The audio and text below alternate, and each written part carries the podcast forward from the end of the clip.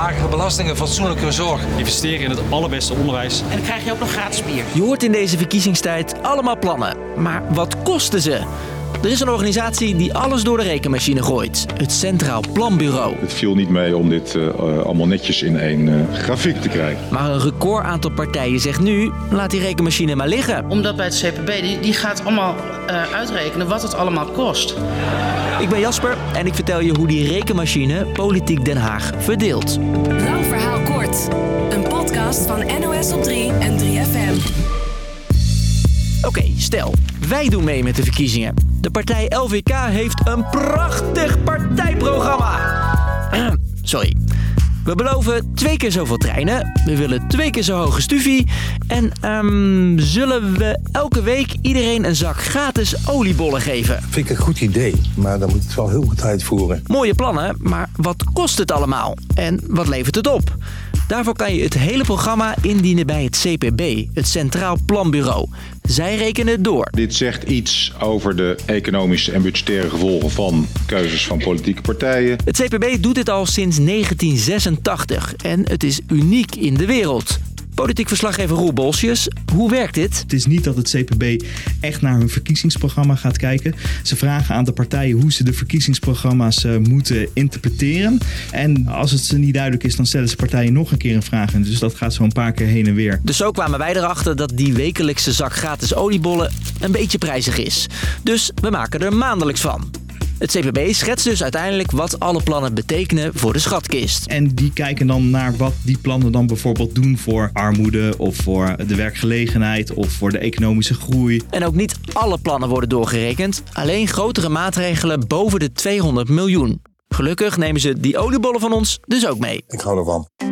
Oké, okay, ons plan van LVK is nu dus flink doorgespit door het CPB. Die oliebollen die hebben we al aangepast. Ik vind het echt jammer dat het niet geworden is wat je in je hoofd had. Maar wat hebben we nou eigenlijk aan deze doorrekening? Het geeft uh, partijen de mogelijkheid om duidelijker te maken wat ze echt willen. Het geeft uh, partijen ook de mogelijkheid om te kijken naar andere partijen, zodat er kritiek op geuit kan worden of dat er juist gekeken kan worden. Oké, okay, hier komen we toch wel overeen met elkaar. Voor de komende verkiezingen heeft het CPB dus al heel wat plannen doorgenomen. Je ziet dat bijna alle partijen ervoor zorgen dat die armoede daalt. Volgens Rob Jetten van D66 is die onafhankelijke check heel belangrijk. Omdat uh, die kiezer uh, er ook recht op heeft om te weten, kunnen die plannen worden waargemaakt, zijn ze ook te betalen. En ook Jesselgus van de VVD denkt er zo over. Je moet een verkiezingsprogramma laten doorrekenen, zegt ze. Want anders krijg je een beetje het gevoel dat het een soort menukaart zonder prijs is. En dat je straks niet weet wat je gaat afrekenen. En als het goed is, helpt zo'n check jou ook. Dat je eigenlijk al die verkiezingsprogramma's langs dezelfde meetlat kunt lezen.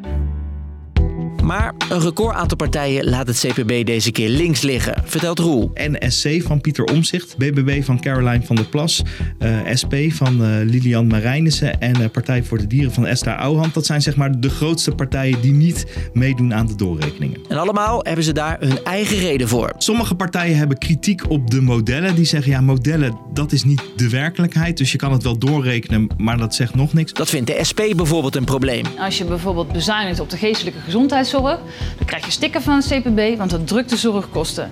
Maar ze houden er geen rekening mee dat elders in de samenleving de kosten oplopen. Politiemensen worden opgeroepen om naar verwarde personen te gaan. En die nieuwe partij, NSC, die heeft nog een heel ander probleem. Pieter Omtzigt zegt, mijn partij was nog niet opgericht toen dit hele proces van start ging. Ik heb gewoon ook niet genoeg tijd gehad. Oké okay, Roel, en dan nog heel even naar dat oliebollenplan van ons. Volgens het CPB kost dat echt miljarden.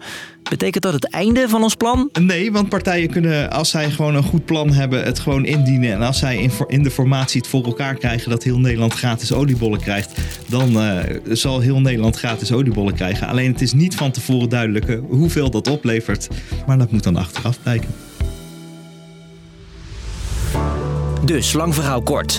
Voor de verkiezingen checkt het Centraal Planbureau de plannen van politieke partijen. Hoeveel kost het? Wat levert het op? En is het allemaal wel betaalbaar?